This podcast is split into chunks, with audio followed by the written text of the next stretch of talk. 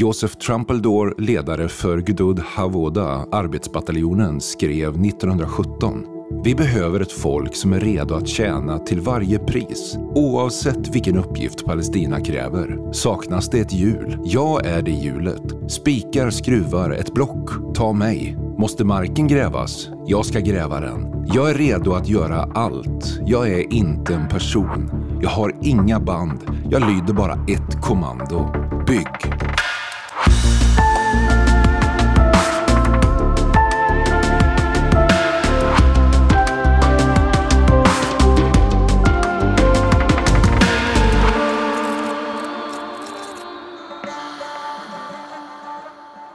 Varmt välkommen Roar, med betoning på varmt. Jag vet inte hur det är hos dig i Norge, men här i Sverige är det en riktig värmebölja just nu. Så det ja, det, det är helt okej. Okay. Vi hade väl 30 grader här igår, så att jag har inte kollat ja. idag. Och så lite studiolampor på det, så, så känner man att man är igång här. Ja. Det var härligt. Vi var ju nere också. Eh, sen vi spelade in sist har vi varit i Israel båda två. Lyckades till och med stråla samman där nere på Arbelklippan uppe i Galileen. Precis. Vi fick några timmar tillsammans i det heliga landet. Det var inte många, men... Ja, det var, det var meningsfulla timmar. Ja. ja men du, eh, Roar, vilket årtal är det vi ska prata om idag? Idag så ska vi 132 år tillbaka, något sådär. Ja, vi ska till 1881, ska inte gå för mycket in i matematiken. 18, 1880, nej matematik, jag kände det först, jag hängde inte alls med. Men 1881, det vet jag att det är årtalet. Eh, och den korta versionen då, varför är detta ett så signifikant eh, avsnitt eller årtal? Alltså 1881 kan vi väl säga, om, om vi ska gå och vara lite bibliska, så kan vi väl säga att i sekel 37 här, här börjar benen i dalen, de torra benen i dalen att få kött på sig. Här, här börjar saker att hända som kommer att leda sen till upprättandet av staten Israel 1948. Så, så det är ett otroligt ja. viktigt år. Precis, vi får bara den inte så bibelkunnig då, Hesekiel ser en, en, en syn med en dal full av döda ben. Och så framför sina ögon och så ser han att de börjar få kött och, och, liv igen. Och det är väl lite grann det som händer då. Och det är ju, man brukar beskriva detta som den första alian. Och eh, vi kommer ju återkomma till vad det innebär. Men det handlar ju helt om, om att resa till det heliga landet. Och här sker det på organiserad grund där eh, ungefär 25 000 judar anländer och blir kvar i landet. Och det kommer vi ju ägna mycket tid åt idag. Eh, och innan vi hoppar in här på lite vad som händer i världen så får vi bara påminna. Vi har en hemsida, folket.nu, där du hittar all, all eh, information och länkar till de olika sätten att lyssna.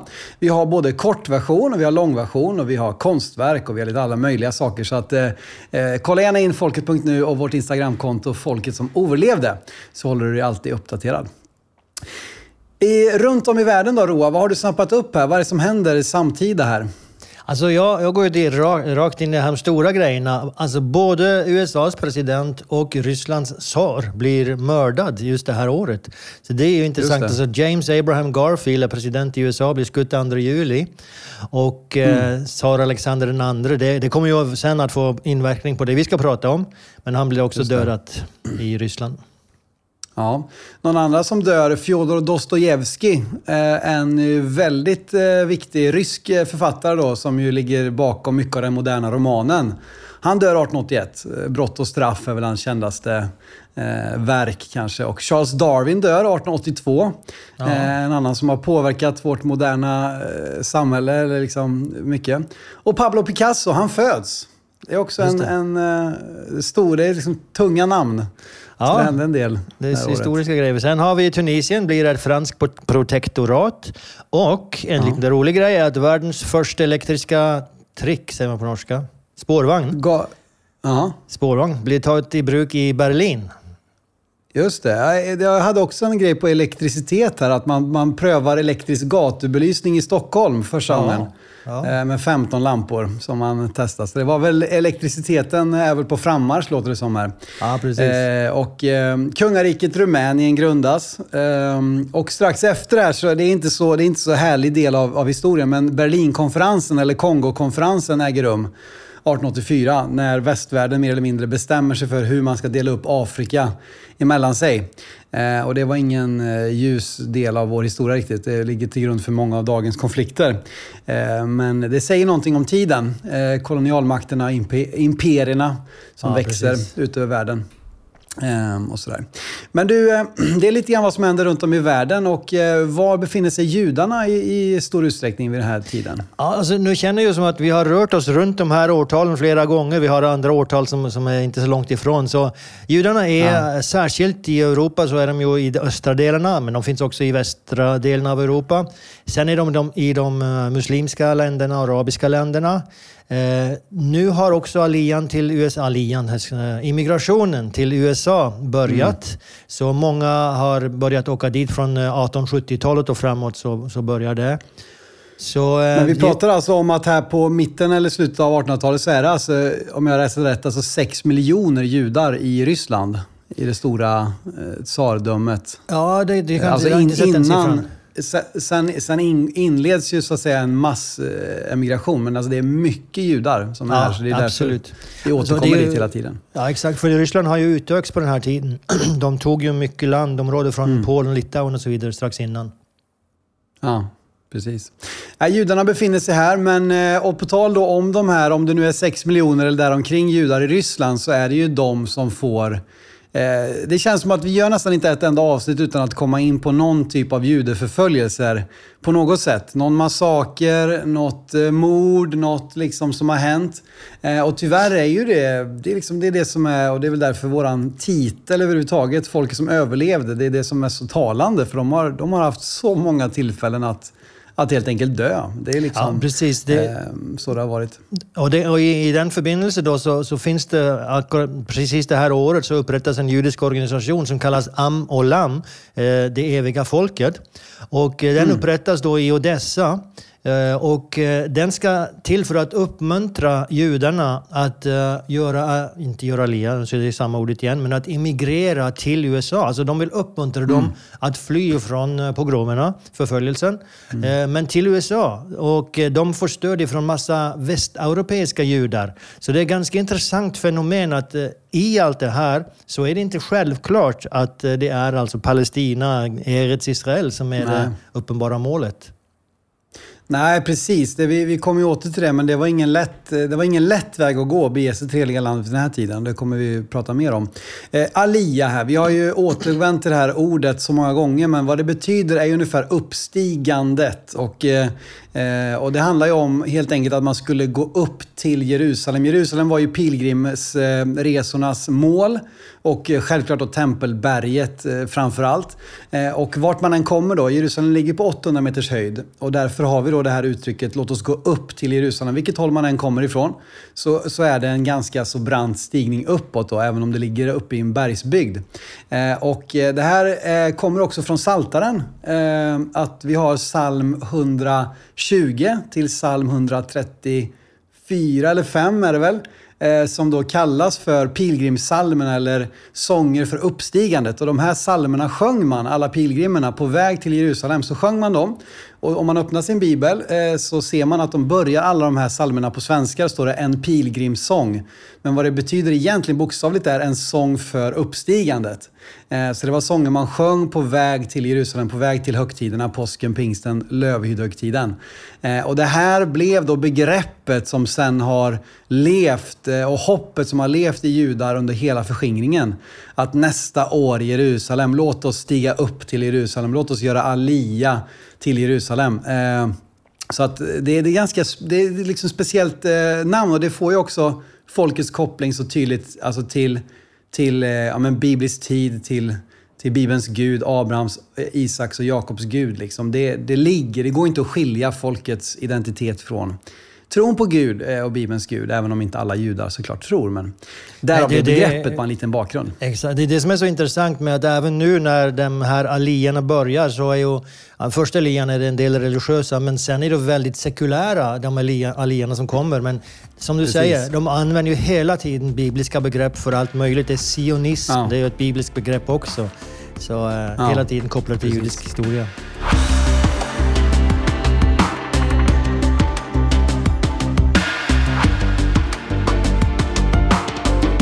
Men vad, vad, är då bakgrunden till att det blir då en, en stor organiserad alia här då? Och det är lite, lite intressant med tanke på dagsläget också. Vi pratar om Odessa, det är ju en ukrainsk hamn idag. Eh, men vid den här tiden var ju Ukraina en del av det stora tsar-Ryssland.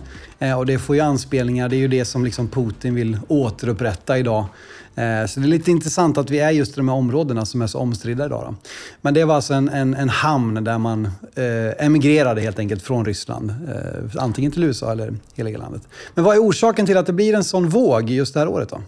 Alltså, det, då återkommer vi till mordet på eh, tsaren, ryska tsaren, eh, som eh, fann sted just det här året. Eh, men bara mm. strax innan dess, eller på, runt 1800, strax före och strax efter 1800, så hade Ryssland fått kontroll över väldigt stora landområden från alltså Polen, Litauen och ottomanerna. Och de upprättade då det här området som kallas Pale of Settlement. Alltså, jag vet inte vad det kallas mm. på svenska. Men eh, där judar fick endast bo i det här området i, eh, i det ryska imperiet. Men, en typ av reservat som för indianerna ungefär? Eller? Alltså typ ja, men det är stort. Det är ett stort ja. eh, område. De är, precis, det är, det är inte ett getto utan det är ett, det är ett, det är ett landområde. Exakt. Liksom. Exakt. Ja. Eh, men, och då från den här tiden då så började pogromer, judeförföljelse alltså mot judarna. Eh, men 1881, då har vi ett väldigt utbrott på grund av mordet på tsaren där eh, en grupp eh, intellektuella akademiker, studenter, de nihilisterna, den tillhör den här gruppen nihilisterna som egentligen är emot mot allt, så att säga, emot traditionella mm. värdier och eh, tror inte det finns en sanning och de är emot religion och så vidare, auktoritet. Men mm. i alla fall, de mördar tsaren och i den gruppen fanns det en jude men mm. det... Judinna till och med va? Ja, jude också har jag vad jag har sett. Men okej. Okay. Ah, okay, det ja. kan ha funnits ja, flera. Ja, det, för, för... det var en grupp liksom som låg bakom mordet på tsaren helt enkelt. Precis. Så i alla fall judarna fick skulden för det här mordet och mm. då så börjar starka pogromer mot judarna från och med 1881 och framåt. Så från och med 1881 till 1884, alltså under tre år, så är det 200 pogromer mot uh, judarna i det ryskstyrda mm. Ukraina och Polen. Då. Mm. Precis, och det är ju eh, just att, att den här gruppen, jag läste om det, att det är ingen av själva mördarna som var jude. Men det fanns då en eller, en eller ett par medlemmar i gruppen som var judar och jag tror det var en judinna med också. Ehm, och, och ändå så är det liksom, det är så lovligt byte på något sätt att då anklaga judarna i helhet. Inte den här extrema gruppen som råkar ha en jude och en judinna kanske. Utan det blir judarna som folk. Och vi får det här ordet pogrom, det kommer ju från den här tiden. Det är för ryskans gromit, om jag förstår det rätt, som betyder att förstöra. Um, och det kommer helt enkelt, uh, och då har vi plockat upp det här ordet pogrom som vi använt mycket i, i serien här. Um, Ja, för det är ju den och, formen och de, det får. Ja. Alltså, det, det, är ju, det är folkmobbar. Det är stora grupper människor som mm. går ut för att förstöra. De kommer till judiska kvarteren, de slår sönder affärer och, och eh, de våldtar eh, och de dödar i, i vissa fall också. Men det, det är mm. förstöring mm. av hela judiska samhällen som pågår. Och den är ju påhejad, påhejad i det här fallet av staten också. Tsaren som kommer efter, tsar Alexander den tredje, han beskriver judarna som en social svulst, alltså som en cancersvulst. Då. Och eh, han utropar majlagar 1882 som ju i princip gör antisemitism till statlig politik. Liksom. Att det här är den politiken vi för. Det, det är liksom... Eh, så det, det, blir ju mer eller mindre omöjligt ja. som jude att, att leva ett, ett tryggt liv eh, utan att imorgon kanske någon kommer och slår sönder mitt hem. Liksom. Ja, precis, men till slut så, så, så lägger ju även styresmakterna lite band på de här pogromerna för de inser ju att det här kan ju gå helt åt, av hängslarna så att säga. Så till slut ja. så är det ju ändå myndigheterna som griper in och stannar de här i, när det har gått för långt. Men då har det verkligen gått långt redan. Mm. Eh, och det är ju av egen intresse, det är inte för att rädda judarna i första hand. Just det. Nej, och, eh, och vi kan bara, bara nämna det att 1891 till exempel då utvisar 20 000 judar från Moskva. Så att det här, det här pågår ju liksom i olika form eh, framåt också. Så att den här, och, och, det gör ju också att Alian, det är, ingen, det är inte bara ett tillfälle utan det är ju en tidsperiod här som startar 1881. Ehm, och ehm, eh, de här, det, det, det, blir helt enkelt så att, att många judar lämnar landet och ändå en ganska stor andel eh, beger sig till, till Eres Israel, då, eller Palestina som ju har blivit populärt eh, namn på området vid den här tiden också. Ehm, ja. hur, många, hur många ungefär och hur många judar fanns det i landet vid tidpunkten? och sådär? Alltså, Innan det här? Procentuellt så är det ju inte väldigt många som kommer till, eh, alltså, om vi ska kalla det Palestina. De kallar det ju själv Eretz Israel, så, så det är ju nästan eh, rätt att göra det i det här sammanhanget. Men eh, så vi pratar alltså om 25 000 under de här åren då, från 1881 till 1903, som den första tidsperioden för den första lian. 25 000. Eh, då fanns det innan i landet eh, Israel, då finns det 25 000, ungefär 25 000 judar. Och det mm. finns ungefär 250 till 300 000 araber i det här landområdet. Mm. Så det är inte väldigt och judarna, mycket. Judarna, de judarna som finns där, de lever ju i de fyra judiska heliga städerna i, i stor utsträckning. Alltså Jerusalem, Hebron, Tiberias och Safed. Precis. Eh, det, koncentrationen är dit så att säga. Och det finns ju så att säga en gammal jeshuv. Det här med jeshuv det är ju ett, ett förstatligt begrepp. Vad man kallar eh, liksom judarnas, eh, ja, judarnas tillvaro i landet för att det blir en stat. Eh, och det betyder ju bosättning. Men det, det fanns ju liksom, som sagt, hur, var, hur såg det ut innan då? Var den gamla jeshuven, vad var det för någonting så att säga? Ja, du kan säga, det, det här är ett intressant begrepp. För, för man brukar räkna alltså jeshuven, jeshuvperioden att börja 1777. Svårt att säga det på svenska. Mm. Uh, men, men uh, då började, för då kommer en stor grupp chassidiska judar uh, till Eretz Israel. Eh, innan dess, vi, vi brukar ju säga det och, det och, det stämmer, att det har alltid funnits judar i landet Israel. Men det har varit vad vi skulle kunna kalla sefardiska judar. Men även innan vi pratar om sefardiska judar, för det stammar ju från 1492. Då, då börjar vi prata mm. om sefardiska och då, då judar. Då pratar vi om, om judar från Spanien, Nordafrika i huvudsak. Då. Så, så eh, bara för att ta det hela, alltså, vi har sefardiska judar och vi har askenasiska judar. Askenasiska judar som kommer då från norra delen av Europa. Och sefardiska då mm. från Spanien och de arabiska länderna. Men innan vi börjar prata om båda de här begreppen så finns det ju bara liksom judar eh, innan 1400-talet. Mm. Och de har ju funnits där sedan biblisk tid. Eh, så det har alltid funnits judar i landet, men 1777 kommer alltså de här askenasiska judarna och då räknar vi med att eh, den här jeshuven, då startades Det hade kommit några innan också, men stort sett så var mm. det de här Mellanösternjudarna och sefardiska judar som hade varit här innan. Mm. Så, så då börjar den och, eh, och, och så upprättas då eh, den här jeshuven, eller får den termen, och den styrks ju då väldigt när de europeiska judarna kommer på 1881 och framåt. Man kan man nämna det då? 1777, det var chassider sa du. Vi hade vårt avsnitt nummer tre, då pratade vi om årtalet 1740 eh, som ju var grundaren av, av chassidismen då, Baal Tov, den som kommer ihåg det. Så en grupp av de här beger sig alltså dit. Eh, och eh, sen är vi också så, vi har gjort ett årtal också om 1897, det är ganska snart efter det här årtalet, där ju den moderna sionismen liksom eh, samlar sig och formeras. Men det är lite intressant att den här då, 1881, det sker innan det så att säga. Och hur var egentligen landets tillstånd då före den här moderna sionismen och det som tar fart då runt, runt år 1900? Eh, vad vet vi om hur landet, liksom, hur, hur var det där då? Alltså, det här, det här kommer vi ta lite noggrant. Jag har en del citater på hur det såg ut. Därför att det här är ju ett stort stridsfråga idag. Eh, hur mm. det såg ut innan och när, när det gäller rättigheter till landområden idag och hur de som sympatiserar med palestinska araber och de som sympatiserar med judar, de brukar gå tillbaka till vem har rättigheterna utifrån historiska argument. Och då är just, hur såg mm. det ut egentligen då när moderna judiska immigrationen börjar? Så då har vi en del citat från den här tidsperioden och innan också. Eh, och jag bara säger att den vanliga förståelsen för hur det såg ut har varit, eh, det har kopplat ihop i ett eh, begrepp som säger så här. Ett land utan folk för ett folk utan land. Det, så beskriver man det. det. Det, fanns där mm. ett land utan folk. Och det fanns ett folk, judarna, som inte hade något land. Så vi kopplar ihop de här, då har vi liksom sionismen. Mm.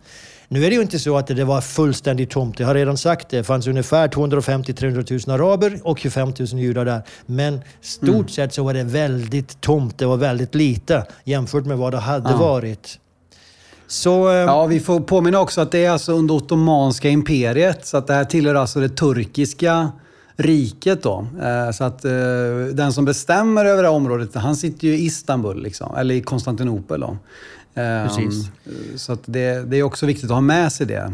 Absolut, och vi ska återkomma till eh, hur ottomanerna behandlade just det här landområdet. Men då har vi ett citat för exempel från den brittiska konsulen. Från, från och med 1840-talet och framåt så finns det en brittisk konsul i landet. Eh, och han skrev i ett brev till jarlen av Clarendon i 1857. Landet är i hög grad tomt på invånare och därför dess största behov är en befolkning. Så mm. det är hans beskrivning. Sen har vi Mark Twain och han, hans citat är ju rätt så känt. Han har flera citater här, men han säger det finns inte en enda by i hela dess längd och bredd. Alltså nu talar han om Israeldalen, eh, en del av landet Israel. Eh, ja, det är inte alltså uppe i Galileen, en stor, ja, kan ja, man säga. Precis. stor dal där mitten av landet som är väldigt befolkat idag. Man kan åka 15, alltså 10 miles, det är väl ungefär 15-16 kilometer här omkring och inte se 10 människor. Uh, och så säger han, för den sortens ensamhet som gör en man trist, kom till Galileen. Nasaret är mm. övergivet, Jeriko ligger som en sönderfallen ruin, Betlehem och Betania i sin fattigdom och förnedring är utan någon levande varelse eller hyresgäster. Han säger, det är ett ödsligt land vars jord är rik nog, men är helt överlämnat åt ogräs. En tyst och sorgsen vid, en ödslighet. Till och med olivträdet och kaktusen, dess trogna vänner till en värdelös jord, hade nästan övergett landet. Palestina sitter i säck och aska, ödslig och oälskvärd. Så mm. han är väldigt grafisk. Och han, och han reser dit i mitten på 1800-talet, Mark Twain? Ja, 1869 är det väl han är där. Eh, ja. Så eh, det är den tiden. Äh. Ja, jag har fler. Jag tycker bara det är intressant att, att få med. Det, det upprättas i Storbritannien någonting som kallas Palestine Exploration Fund. Och mm. de utför då från och med 1871 till 1878 så utför de vetenskapliga alltså analyser av hur det ser ut i landet. Och det går på flora, fauna, på samhälle, på geografi och topografi i landet. Och de, också är, de här rapporterna som kommer ut varje år, de här sju, åtta åren, eh, de är väldigt eh, starka bevis på hur ödsligt det här landet var då. Mm.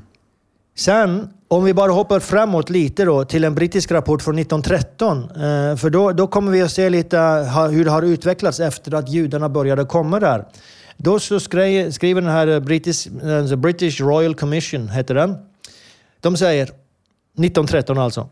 Området var underbefolkat och förblev ekonomiskt stagnerad fram till ankomsten av de första sionistiska pionjärerna på 1880-talet, som kom för att återuppbygga det judiska landet.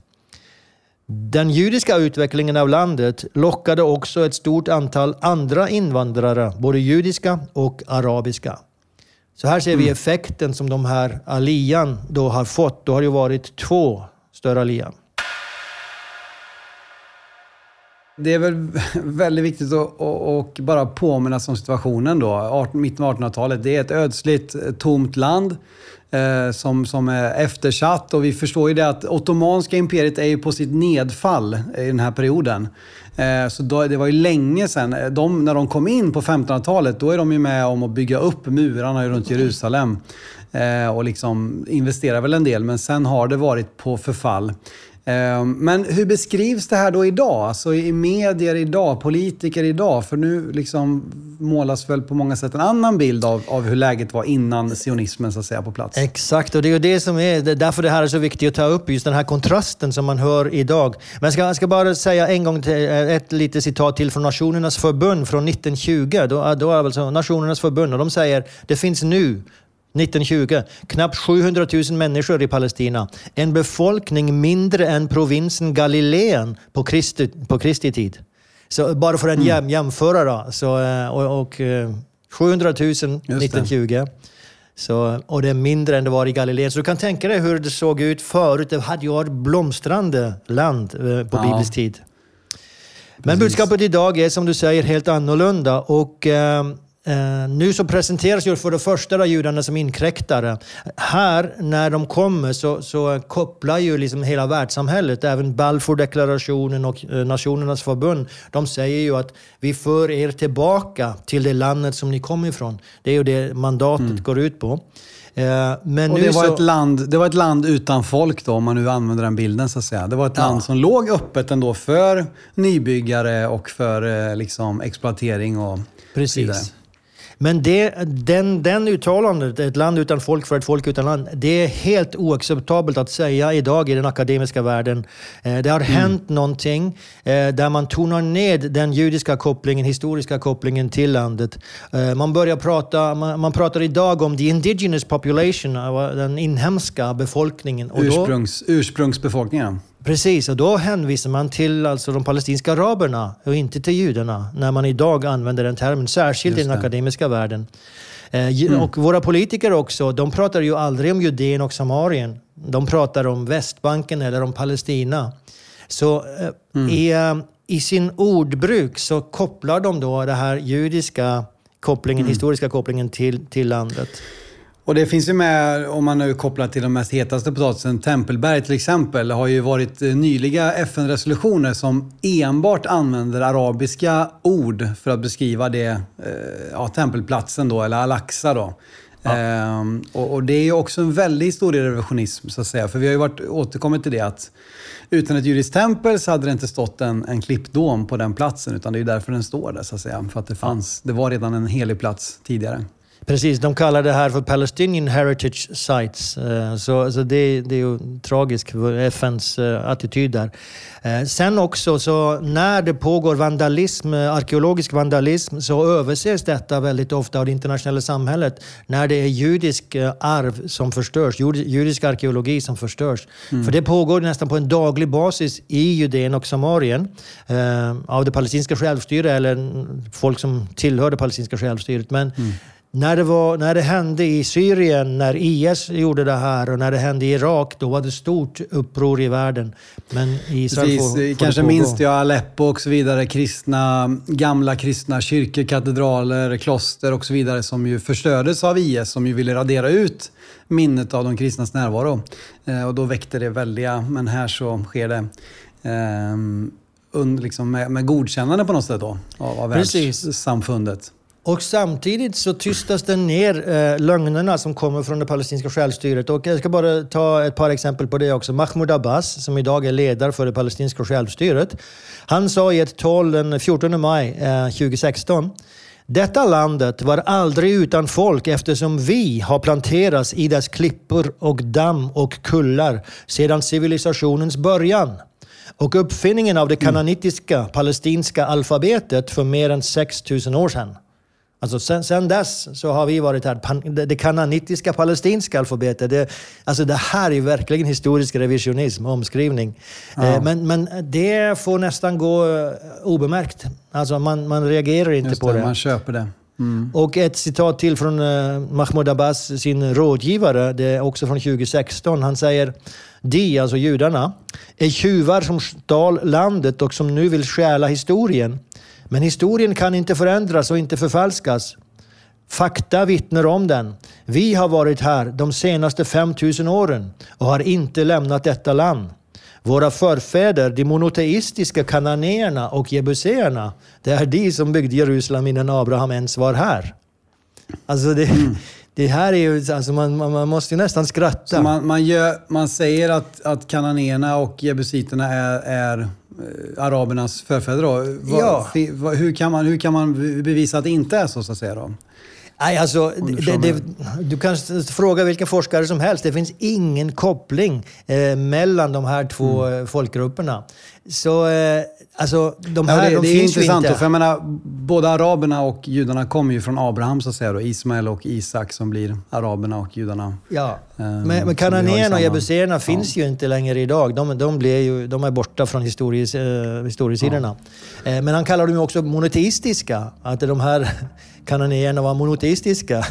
Det är också lite... Eh, för han måste göra det ja. för att dra det till islam sen, så att säga. Just Så det. det är väldigt mycket omskrivning av historien här.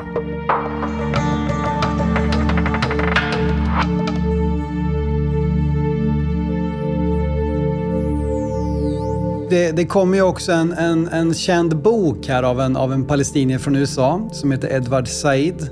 Eh, boken heter väl Orientalismen? va?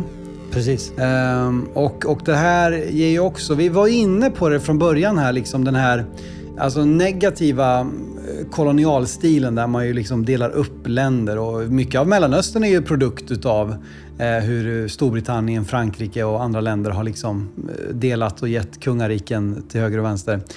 Så det finns något negativt, men den här boken målar väl upp en ännu mer negativ bild så att säga av... av Ja, precis. ja. Men det är ju exakt som du säger här, det finns ju ett korn av sanning i det han säger.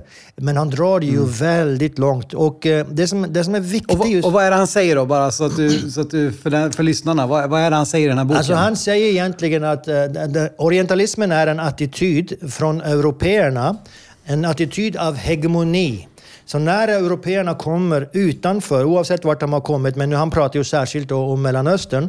När de kommit hit så har de kommit för att eh, råda och regera och på, föra sitt världssyn, sin kultur över på den lokala befolkningen. Och man har alltid satt sig över lokalbefolkningen eh, och inte värdesatt deras version av historien. Eller, ja, precis. Och, och eh, alltså, det finns ju en viss sanning i detta. Men det har då ledat, ledat till att eh, idag finns en förakt för all europe, europeisk inflytande utanför Europa. Eh, där eh, allt som blir gjort av européerna, för vi förde ju faktiskt också, vi, nu, men det är ju européerna, förde ju faktiskt också med sig en massa utvecklingar, positiva saker i de här länderna. Det är sant att det var mycket utnyttjande och så vidare. Det är sant att det fanns en överhöghet. Men det fördes också med sig en massa positiv och utveckling. Så det som sker nu idag det är att det här begreppet som finns som narrativer har uppkommit. Och då så läggs det mycket större vikt på narrativerna, alltså historieberättningarna från de folken som bor i de här länderna. Den är den sanna. Den, den blir nu presenterad som den sanna narrativen, sanna historieberättningen. Och den europeiska förståelsen är helt fel. Och eh, då, då har man lämnat eh, sannhetsinnehållet, så att säga. Sanningsinnehållet. Mm. För, för eh, nu är det egentligen blivit en politisk grej. Och det är ju det som eh, Edward Said, som skrev den här boken Orientalismen, hans, eh, he- hela hans motivation är ju politisk.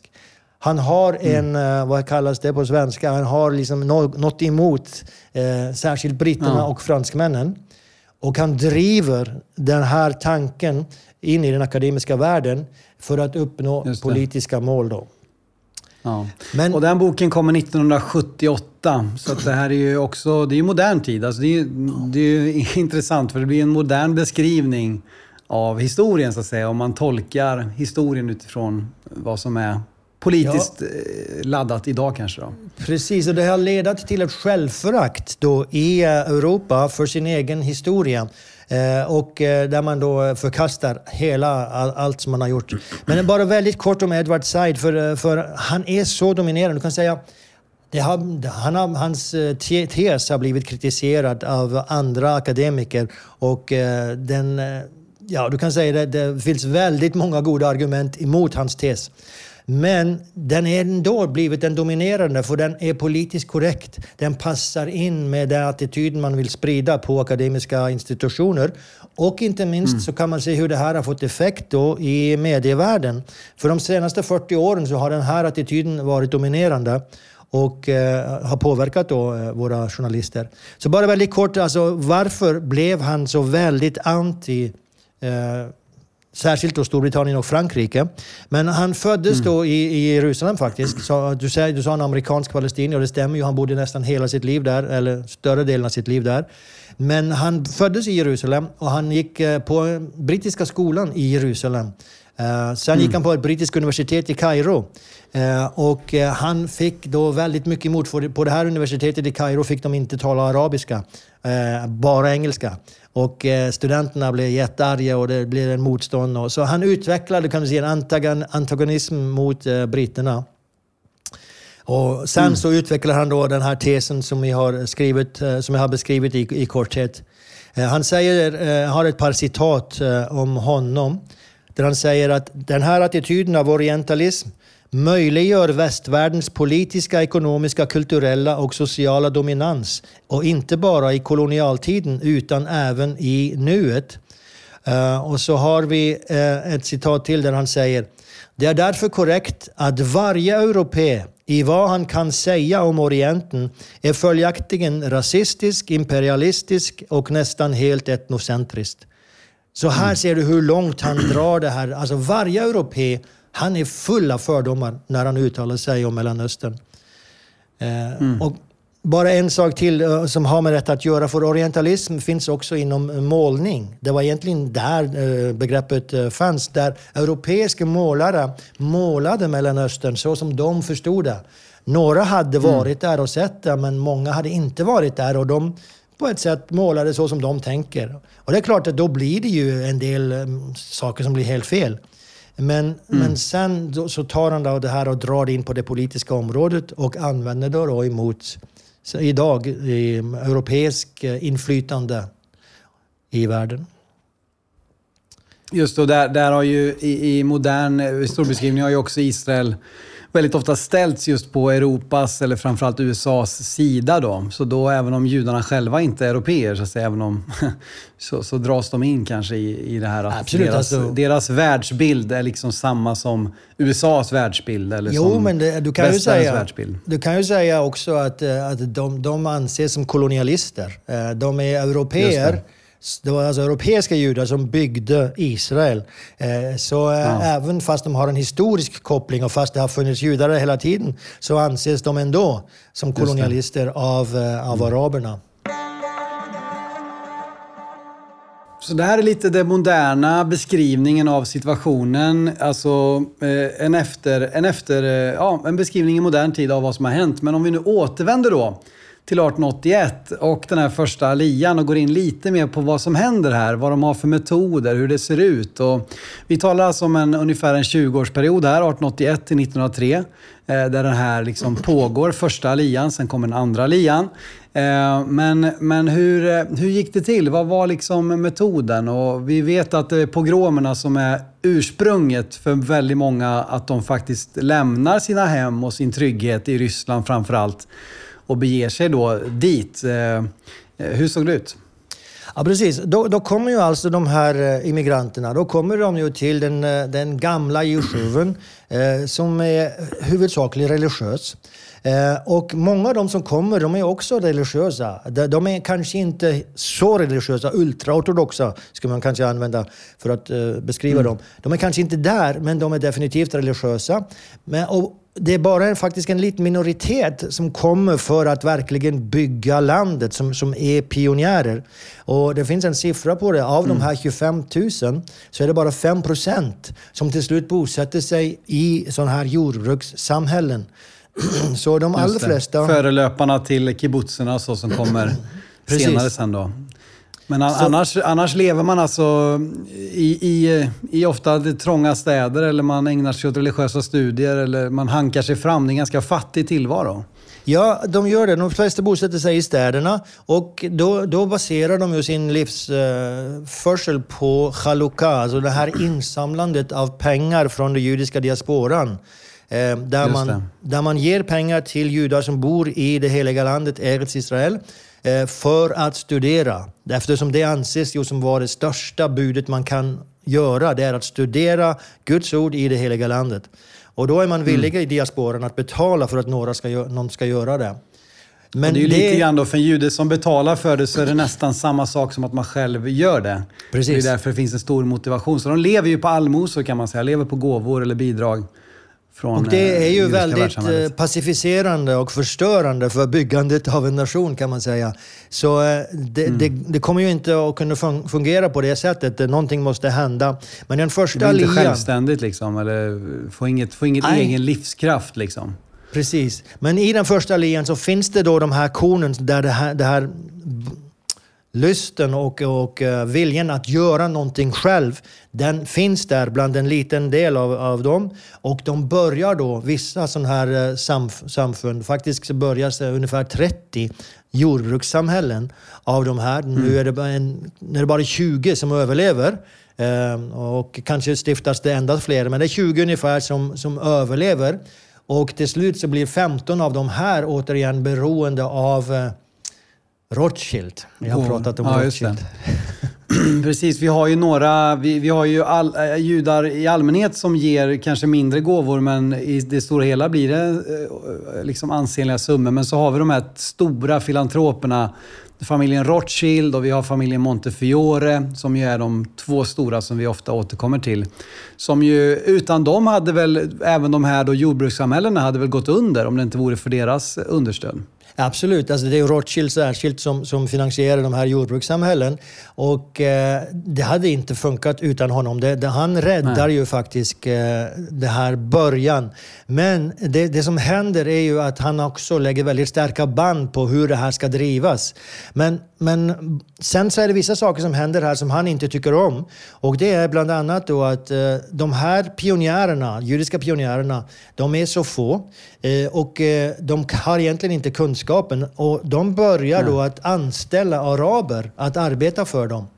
Så de upprättar, först så upprättar de ju egna samhällen utan Rothschilds hjälp.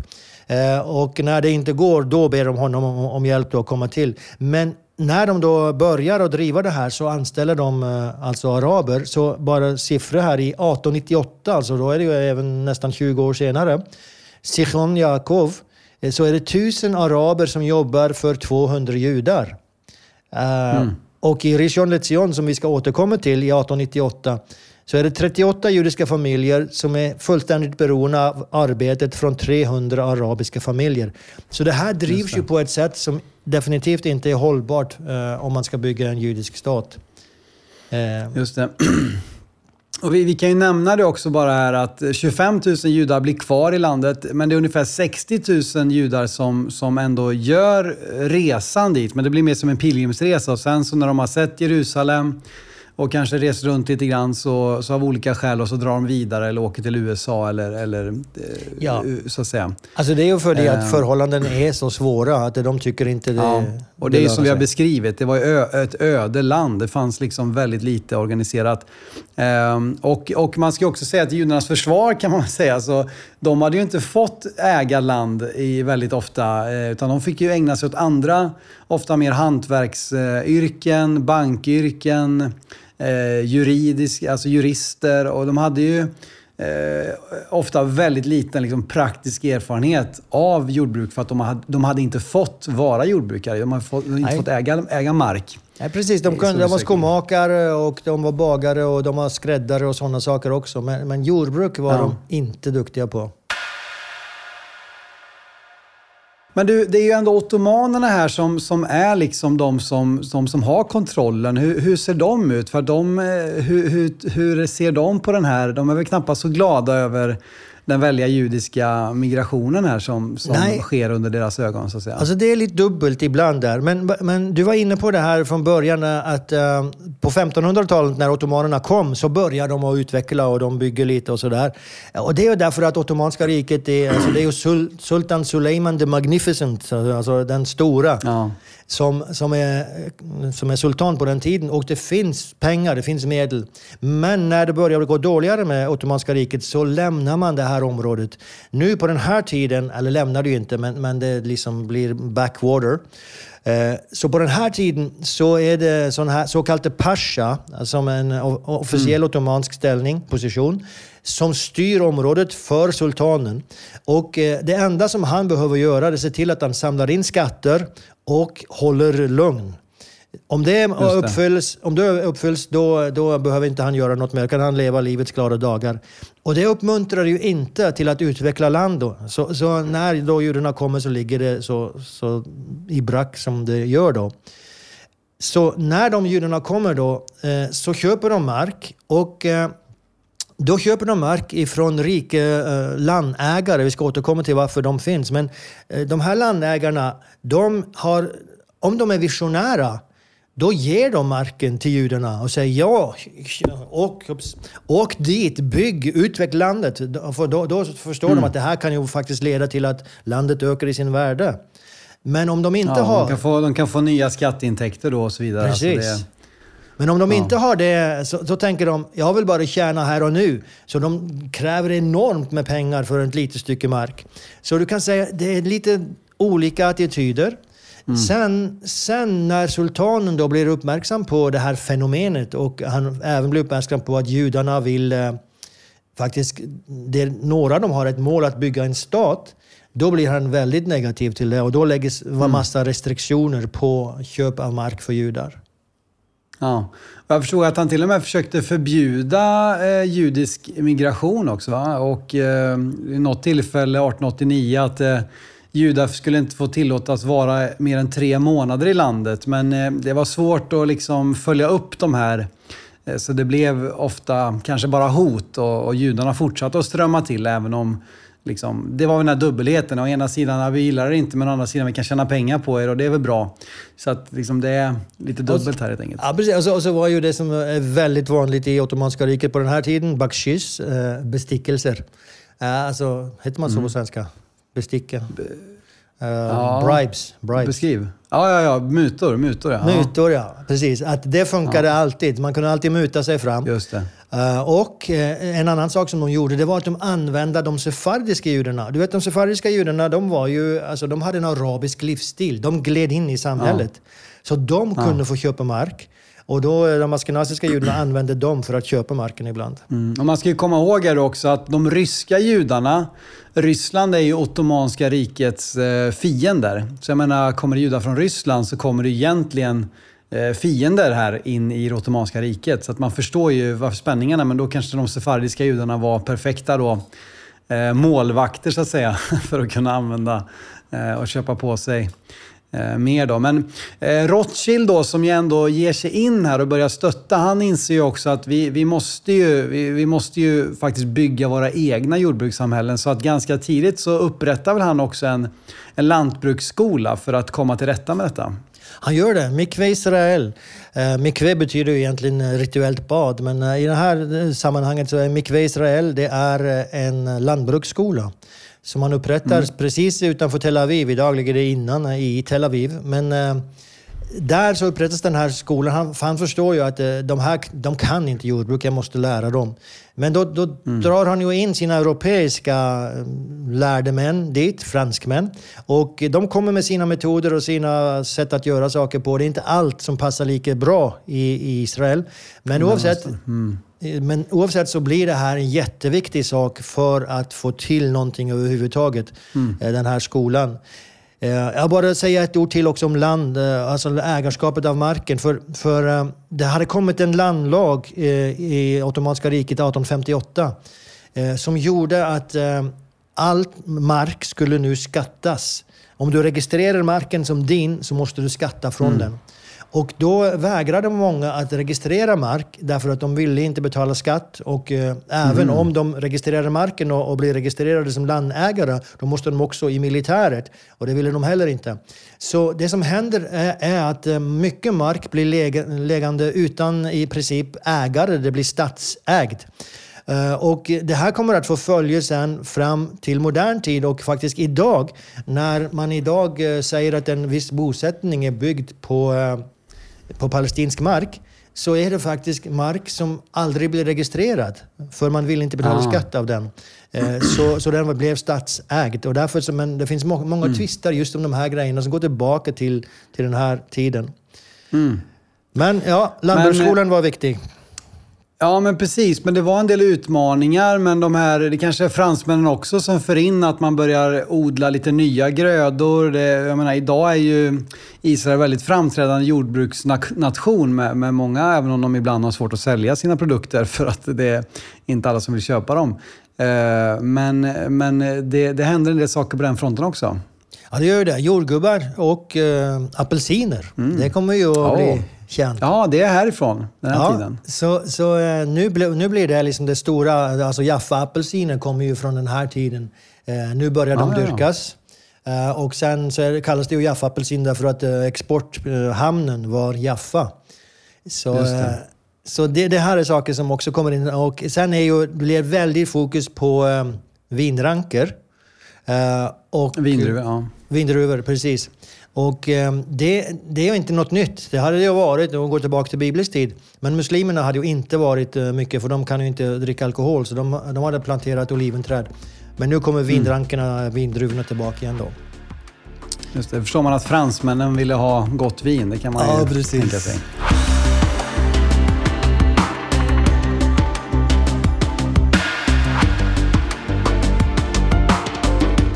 Det börjar ändå liksom eh, bli lite start på att det inte endast är så att säga leva på allmosor, inte endast religiösa studier eller, eller religiös motivering att vara i landet, utan man tar steg mot det här med jordbrukssamhället för att faktiskt bygga upp landet. Som vi har återkommit till många gånger, det här uttrycket åker för åker, ko för ko ska vi liksom bygga upp den här nya staten.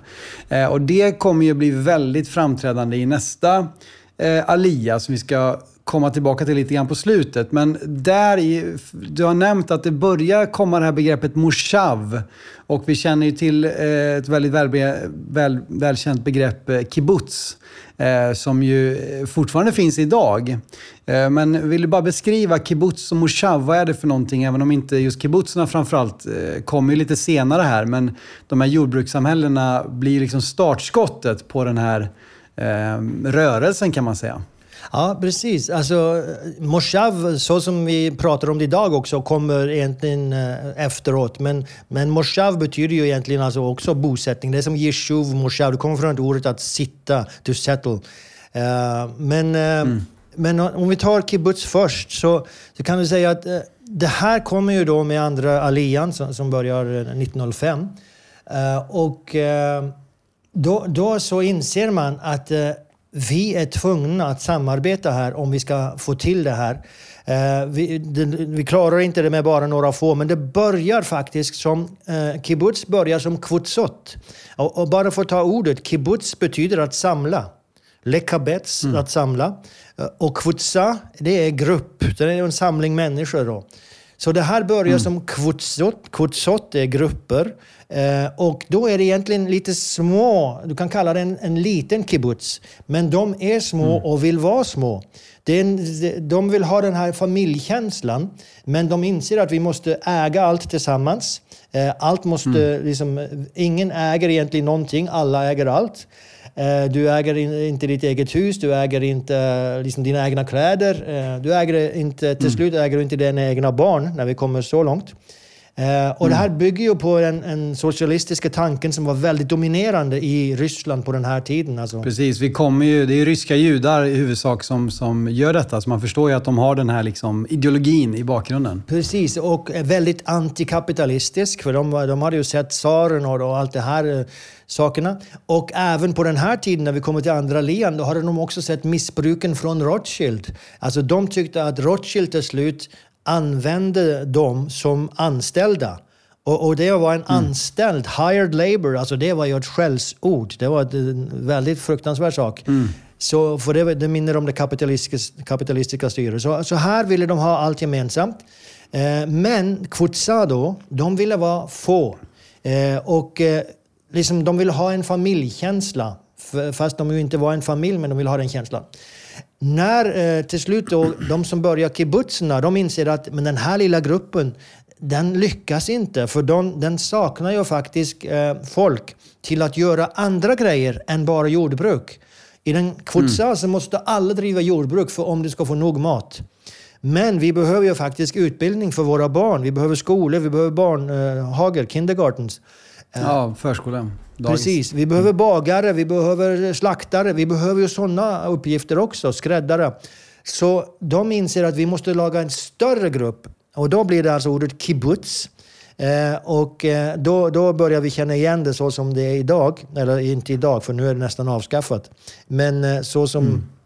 Där vi alltså har ett väldigt alltså, socialistiskt samhälle där ingen eh, egentligen äger någonting, men alla gör det mm. tillsammans. Och orsaken att man gör det är att när man upprättar de här kibbutzerna så gör man det i områden som ligger långt bort från varandra. Eh, och de har inget försvar. Så även försvar är de tvungna att göra tillsammans. De är, om de skulle bygga en egen gård någonstans, det skulle aldrig funka. De skulle bli attackerade och kunde inte försvara mm. det. Så de är tvungna att samarbeta. Så det tvingar sig fram på många sätt också, fast det mm. också då är en ideologi. Precis, och det kommer ju alltså bli väldigt framträdande då i den andra, i den andra alian och eh, det som ju till slut blir en viktig, viktig beståndsdel är att just bygga upp landet. Det var ju väldigt populärt på 60-70-talet bland eh, inte minst svenskar och kanske norrmän också att resa ner och jobba på en kibbutz eh, under en sommar eller några månader, ett halvår. Ehm, så att det blev ju någonting. Och det, de finns ju kvar även om, även om väl den eh, riktigt så rena socialismen har väl lite grann luckrats upp. Men många av kibbutzerna idag är ju de som är mest high-tech i sina områden och liksom utvecklar eh, liksom nya... Så det är ju forskningscentran, många av de här kibbutzerna idag. Så att de har verkligen liksom lett utvecklingen i landet eh, ända in i våra dagar kan man säga. Då. Det, det har, eh, jag, ska, jag ska bara säga att, att många av de här som, som startade kibbutzerna, eller som var medlemmar, de var ju väldigt intellektuella. Eh, och det var också mm. en av orsakerna till att de, de insåg att vi behöver ha kulturella evenemang. Vi behöver folk som kan hålla på med de bitarna också. Så, så mm. det blev en, en, väldigt viktig del i kibbutzarna. Att, alltså, intellektuella samtal, eh, kulturella evenemang och så vidare. Och det leder mm. i sin tur till att kibbutz, eh, kibbutzmedlemmar får väldigt stor inflytande i israelisk politik. Alltså först i Yeshuv-politiken och sen israelisk politik. Till trots för mm. att de var aldrig mer än ungefär 5% av befolkningen, kibbutzmedlemmarna, så fick de oerhört eh, dominans i det politiska livet. Men de kommer som sagt lite senare, men vi börjar ju se frön till det här i den första alian. Och vi har lite olika aktörer här som är viktiga eh, i detta. Och eh, Edmund Rothschild har vi redan nämnt. Alltså Rothschild är ju en en stor bankfamilj, en brittisk bankfamilj, judisk sådan. Eh, och de, men de finns ju över hela Europa. Det är väl även fransmän och alltså det är en stor, stor släkt så att säga. Eh, men de har mycket pengar kan man säga och de, eh, just Edmund är väl den som är den stora aktören eh, vid, det här, vid den här tidpunkten. Då. Eh, men vilka övriga aktörer har vi som liksom är viktiga här i den första lian? Jag har inte kommit så långt. Du har inte kommit så långt? jag måste säga någonting till, just för, för jag glömde Moshav också. Bara säga några få ord om Moshav. Uh, och ja. Moshav är ju uh, alltså, det är en mindre radikal variant av en kibbutz. För i en moshav så är det kooperativt. Alltså man köper marken tillsammans, uh, man köper redskapet tillsammans och man säljer sin gröda tillsammans. Men man har sina egna privata hus och familjer och så vidare. Så, så det är liksom en, en kombination av eh, mm. en kibbutz och en kapitalistisk eh, sak. Och sen, eh, jag tycker bara jag måste ta med ett citat. För, för allt det här drivs ju av en pionjäranda. Eh, och mm. den pionjäranden beskrivs väldigt bra av Trumpeldor. Nu ska jag inte ta hela hans historia, för jag har pratat om han också. Josef Trumpeldor, en, en officer som ju var med och dog eh, för att försvara delar av Israel kan man säga. Precis. Men det uppstår i den här kibbutzrörelsen en sån här tanke som heter att, eh, att erövra arbetet. Eh, för man mm. tänker att de religiösa de är för ockuperade av studier och för passiva. Vi måste erövra arbeta, och, och särskilt då mm. jordbruket. Och då eh, så startar han en organisation som man kallar Gdud Havoda, Arbetsbataljonen. Eh, och så säger mm. han så här, alltså, när han ska verkligen motivera folk att gå med i den här arbetsbataljonen. Vi behöver ett folk som är redo att tjäna till varje pris, oavsett vilken uppgift Palestina kräver. Saknas det ett hjul? Jag är det hjulet. Spikar, skruvar, ett block? Ta mig. Måste marken grävas? Jag ska gräva den. Behövs det att skjuta? Behövs soldater? Jag tar värvning. Poliser, läkare, advokater, lärare, vattenbärare. Jag är redo att göra allt. Jag är inte en person. Jag är endast förkroppsligandet av service. Förberedd på allt. Jag har inga band, jag lyder bara ett kommando. Bygg. alltså, det... Ja, det är den som inte vill vara med efter ett sånt tal, den får jobba med sin motivation tror jag. ja, det är otroligt eh, radikalt. Ja, häftigt.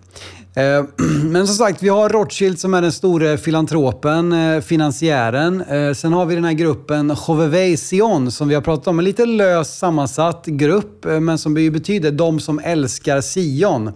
Och det blir ju en rörelse, inte minst inne i Ryssland, av människor som, som sluter sig samman och liksom den här kärleken till, till Eres Israel växer sig stark.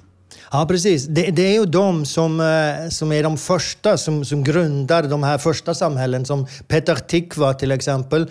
Eh, idag är det en stor stad i Israel precis utanför Tel Aviv. Men eh, Petah mm. Tikva betyder eh, hoppsöppningen. Eh, och den, den mm. bosättning som de bildade 1881 Eh, sen så misslyckas den och de är tvungna att söka hjälp ifrån Rothschild. Eh, men de, de bygger de här 1881 till 1883, då är det de, Hoveveizion eller Hoveveizion, som är aktiva. Men sen mm. när de då misslyckas så är det Rothschild som kommer att rädda dem och i tillägg då börjar upprätta en massa andra. Så eh, mm. då har vi Rothschild i perioden 1883 till 1900 ungefär. Mm då han drar sig lite tillbaka och eh, överlåter, överlämnar det här till en organisation som kallas ICA, eller PICA. Eh, en förkortning för eh, Jewish Colonization Association. Det är intressant, de använder mm. ordet colonization. Ja, precis. Nej, men på den här tiden var ju det, det var ju normen. Alltså, ja, att kolonisera, det var, ju, det var det man skulle göra. Så att, det var inget även negativt. om man idag har en väldigt negativ koppling till det ordet som vi varit inne på lite innan. Precis. Så från och med 1900 och framåt så, så är det då eh, det här ICA eller PICA under eh, baron Hirsch.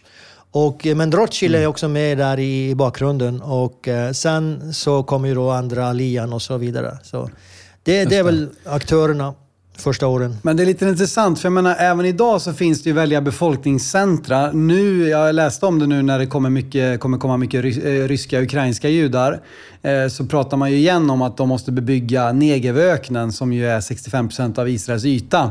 Där ju som fortfarande finns väldigt mycket utrymme även om det är väldigt tuffa förhållanden. Men idag är ju liksom befolkningscentra, går ju längs med kusten, Israeldalen som du pratade om och liksom upp i Huledalen eller liksom norra Galileen. Och det har ju sitt ursprung härifrån, eh, från något som man kallar för N-formen. För det, liksom, det bildar ett N här eh, som har att göra med just att de kommer hit och börjar köpa mark och sådär. Vill du beskriva? Ja, precis. Men, men det är exakt som du säger. Alltså, den marken som var till Salks, det var också den här marken, för den var obrukbar. Alltså längs kusten mm. var det sanddyner. Det var där man började bygga Rishon LeZion, som vi ska prata om senare, och, och de här andra, eh, Petah Tikva. Sen har vi... Eh, Tel Aviv. Ja. Tel Aviv, ja precis. Tel Aviv blev inget jordbruksstad, men, men ändå. Nej, men just, eh, ja. Den byggs på sanddyner. Byggs på sanddynerna. Ja. ja. Och sen då så har vi Israeldalen och det är ju en sump, ett sumpområde. Mm. Eh, och sen har vi Huledalen som också är ett sumpområde. Södra delen, eller mm. norra delen av Jordandalen och Huledalen. Eh, så det här är områden som ingen vill ha och det är marken som, som de fick köpa så att säga. Och, det är därför de har så otroliga utmaningar. Det, är oftast så att antingen, de har två stora problem. För mycket eller för lite vatten. För mycket mm. vatten, sump malariasumpar mm. och grejer. De behöver plantera de här stora eukalyptusträden för att suga upp eh, vattnet. Eh, eller för lite vatten, alltså bara sand. Eh, så, så det är de två ja. utmaningarna. Och i tillägg då så är det som, som Mark Twain beskrev, alltså det är bara rusk och rask och buskar och liksom allt stenar ja. eh, som måste röjas undan för att kunna dyrka någonting. Men då har vi i alla fall en-formen förklaras utifrån, det här är marken som ingen vill ha. Just det. Och, och idag är det... Jag måste ja, säga en sak till där. För, för, en annan orsak är ju, man skulle ju tro att Judeen och Samarien ville vara, åh, där måste vi återvända, det är vår historiska liksom, kärnområden. Eh, men för mm. det första så är de här inte religiösa. Så, så, för dem så är inte liksom Jerusalem, Hebron och de här städerna uppe i bergen så jätteviktiga. Och för det andra så är det inte väldigt bra jordbruksmark. Alltså det är lite utrymme för jordbruk där uppe. Och den mm. som är, den, den har araberna redan nästan tagit hand om, så att säga. Så, så där, där var ju, det finns, de lagar ju några få sådana här bosättningar där uppe och Jerusalem är ju redan viktig och Hebron är viktig för de religiösa. Eh, men annars är det den här N-formen som vi pratar om. Just det. Och reser man i Israel idag så är det ju otroligt bördiga. Alltså man ser stora odlingar, eh, Israeldalen inte minst. Eh, och, eh, eh uppe i norra Galileen. Så att de har verkligen förvandlat landet, så att säga, de här pionjärerna som ju, som ju tilltar i, i antal och i styrka. Ehm, men det var inte bara lätt. Du har ju redan beskrivit det. Det var ju många som inte överlevde. Du, du sa att av 30 så var det 20 som överlevde och flera av dem var tvungna att leva på bidrag och sådär. Men eh, det var inte all, långt ifrån alla som lyckades. Nej, precis. Och, och det kommer flera grejer. Från, från början var det ju fel metoder. Alltså de visste ju inte hur man ska driva jordbruk. Ja. Eh, så det var ju först när effekten av den här jordbruksskolan, Mikve Israel, eh, började komma att, att de började lyckas mer och mer. Men fel metoder, eh, inte nog med vatten, alltså de hade jätteproblem med vatten. Vi ska återkomma igen till det med Rishon Lezion. Eh, icke nog arbetskraft, alltså det var inte nog folk till att kunna driva Nej. det här effektivt. Ehm, man hade inte folk att driva med annat än jordbruk, för man behövde ju faktiskt också transportera, man behövde liksom få, få bygga hus. Och man, behövde, och man hade ja, inte folk. Precis. Mm. Uh, och sen särskilt då första året, eller första två åren, att ta sig igenom dem uh, var jättesvårt innan man fick någon gröda. Så uh, ja. väldigt många gick ju under redan på den tiden. Så har vi då de här kända problemen med malaria, tyfus och epidemier som sprider sig på grund av ja. alltså, sumpområden och så vidare. Eh, och sen i eh, tillägg då så har vi eh, prisen på mark som går upp hela tiden. Det blir svårare och svårare att få tag på mark. Och eh, sista vi ska nämna där är motstånd, alltså fysiskt motstånd där, där araber och beduiner omkring de börjar attackera och, och stjäla vad mm. de kan få med sig. Så det är också intressant att på grund av det så är det ju väldigt ofta bland kibbutzerna att uh, du har uh, starka uh, personligheter som går in i det israeliska försvaret och som, som blir mm. kärnan i det israeliska försvaret från kibbutzerna.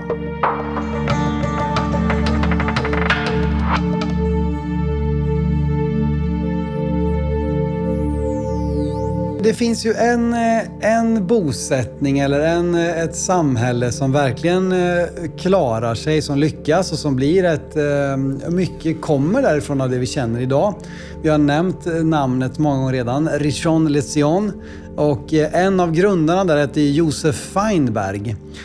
Och han är ju med och blir en av dem då som etablerar det här samhället, eller ja, eh, strax utanför Tel Aviv. Men, men vill du beskriva lite grann vad som, vad som händer här? Josef och eh, Rishon LeZion. Ja, precis. Rishon LeZion betyder först till Sion. Eh, så, så de, det är intressant, alltså namnbruket också, för det, de, de ser mm. sig ju verkligen som en vanguard, alltså första pionjärerna. Att det, de är början på någonting, så att säga.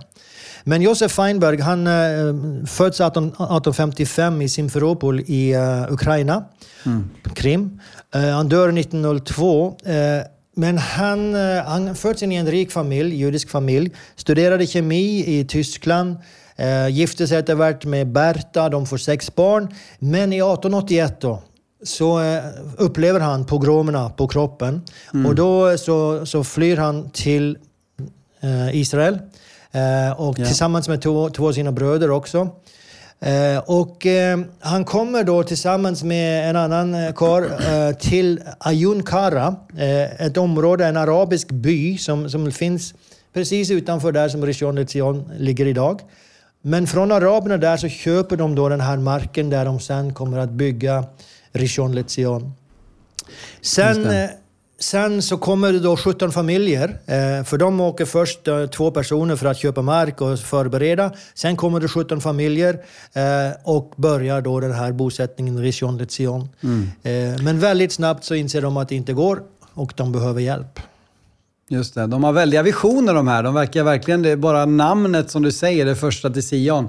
Och eh, de behöver hjälp och Josef Feinberg blir ju den som får uppdraget att resa till Paris för att tala med eh, redan nämnde baron Rothschild. Ehm, och eh, liksom försöka övertala, övertyga honom att vara med nu och finansiera det här nya samhället. Ehm, och jag läste någonting här att baronen lyssnade med stor, liksom, stort intresse på, på de flammande liksom den elden och passionen som bara flödade fram från ambassadören av Richon Lesion, den unge Josef Feinberg som var 26 år. Så han hade en passion, han hade en vision och han, han liksom lyckas få baron Rothschilds eh, öra. Eh, och även hans plånbok kan man säga då. Som går in och hjälper till här. Ja, du kan säga alltså, Josef Feinberg här är ju jätteinstrumental i att det här, för att det här ska lyckas. För om inte Rothschild hade kommit med på, på det här eh, laget så mm. hade inte det här lyckats. Alltså, då var de tvungna att hitta något annat sätt. Men, men det är ju det här som, som blir det avgörande. Så mm. han får ju då 25 000 frank av uh, Rothschild uh, plus lite annat, andra saker med hjälp. Men för de här pengarna så går de tillbaka och så börjar de gräva efter vatten och det är ju det som är det stora. Tills nu så har de eh, varit tvungna att importera vatten från Mikve Israel, alltså några mm. kilometer bort. Men den här vattenvagnen blev ständigt attackerad av beduinerna. Så eh, det var jättesvårt för dem att, få till. Så de var mm. tvungna att hitta vatten. Så, så då började de gräva. Och det finns ett sånt här väldigt känt uttryck, alltså Matsano Maim. Vi har hittat vatten. För eh, mm. efter att ha grävt var det 45-48 meter ner i backen där i sanddynerna så hittade de vatten. Och eh, det blev räddningen mm. för Rishon Lezion. Just det. Men, Men eh, de, de blir verkligen först i Sion här. Bara på 1880-talet, alltså de första tio åren, så, så händer ju väldigt mycket som ju är helt... Liksom, det är så vi känner Israel idag. Ja, det, det är ju det. Alltså, eh, men jag ska bara säga, alltså, det här... Uh, love relationship mellan uh, Fein, uh, vad heter han för någon? Feinberg. Feinberg. och ja. Rothschild, den, den pågår inte jättelänge. För redan 1887 då, då tycker Feinberg att Rothschild har tagit för mycket kontroll över Rishon LeZion. Han använder oss mm. som, nästan som slaver. Och, alltså han sätter sig upp emot Rothschild. Och då kommer faktiskt Rothschild för första gången till Israel eh, just det året. Mm. Och eh, då så, eh, så säger Rothschild till Feinberg att du får inte stanna kvar här. Du har blivit upprör, upprorisk. Och då finns en mm. dialog som en kille som heter Moshe Smilanski har skrivit. Och han skriver så, så här. Sälj din gård och dra, sa baronen vid sitt första besök i landet till den första emissären från landet. Feinberg svarade med alla dina miljoner kommer du inte att lyckas fördriva mig härifrån, högsta baron. I så fall, svarade baronen, är du död i mina ögon. Nästa dag skrev Feinberg ett brev till baronen. I den mån jag anses död tog jag, mig, tog jag mig till sanningens värld. Men de ville inte släppa in mig eftersom de sa att jag fortfarande levde. Baronen har inte makt att dekretera vem är vid liv och vem är död. Så eh, det här är eh, rolig um, ordutväxling där. Men det som händer är att Rishons befolkning de stöder Feinberg.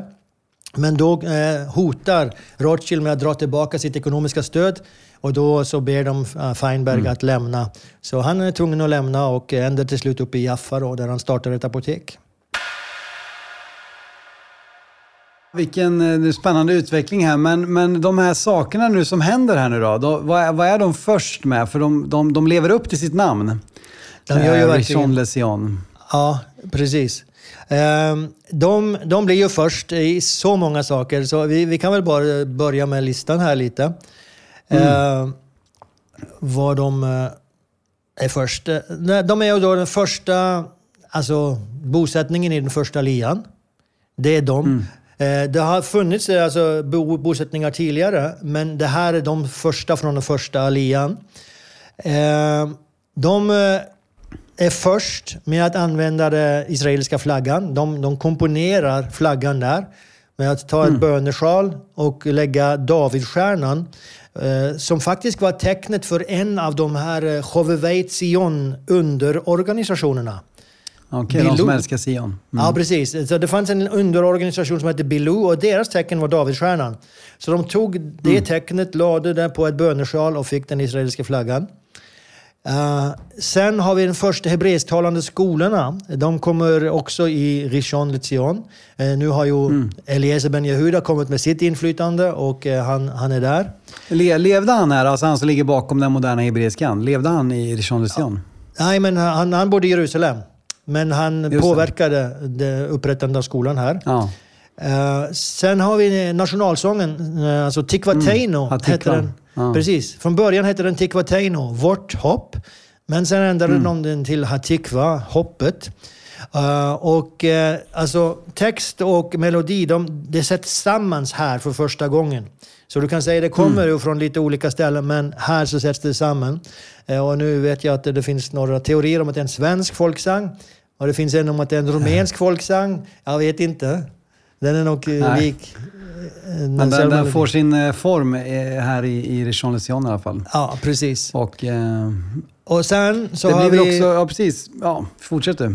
Keren Kayemet, eh, förlöparen för Keren Kayemet, alltså The Jewish National Fund, vad heter det på svenska?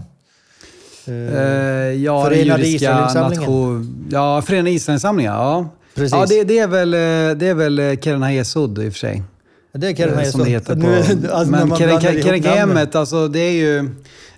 Keren Kayemet kom ju först och de, de ägnar sig väl mycket åt att köpa mark och liksom upprätta ja, ehm, staten. Och idag håller de ju på väldigt mycket med trädplantering och sådär. Ehm, som vi känner ja, exakt. Idag.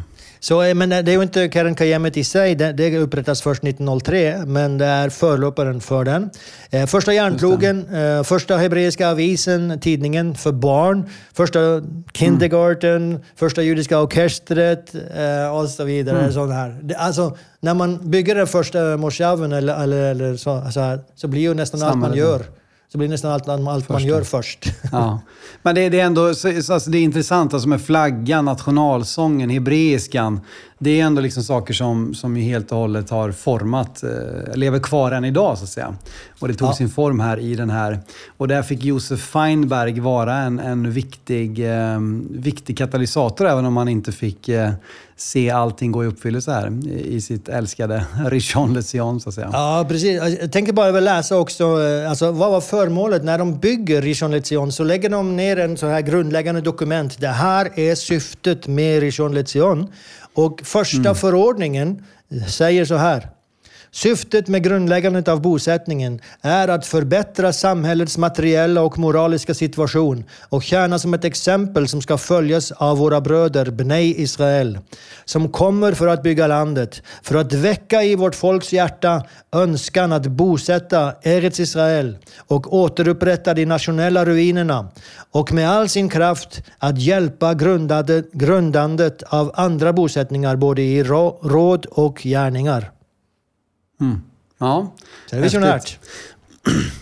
Ja, men de, de fick ju bli då föregångare. Alltså, du sa det var bara 5% 1250 personer får jag det till då, som, som deltog i just eh, jordbrukssamhällena i den första lian.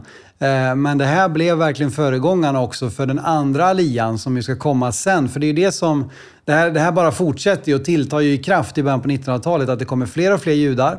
Eh, och det finns lite kontraster där då eh, med den andra alian. Och eh, vi kanske bara ska liksom avsluta med det. Vad, vad hände sen och hur, hur fortsätter Vad är skillnaden med den andra alian och den första alian? Ja, exakt, för det är en väldig skillnad. Och som du säger, då, eftersom det här är som en liten grupp av den första lian så blir kontrasten ännu större med huvudgruppen i, i första lian och andra lian. Mm. Men när andra lian väl kommer, då är de pionjärer. Alltså de, de har kommit med, kommit med ett syfte. Bygg, alltså bygg det här landet. Gör mm, någonting. Det var Trumpeldores modell. Ja, precis. Så, eh, så de är pionjärer. Eh, de är sekulära.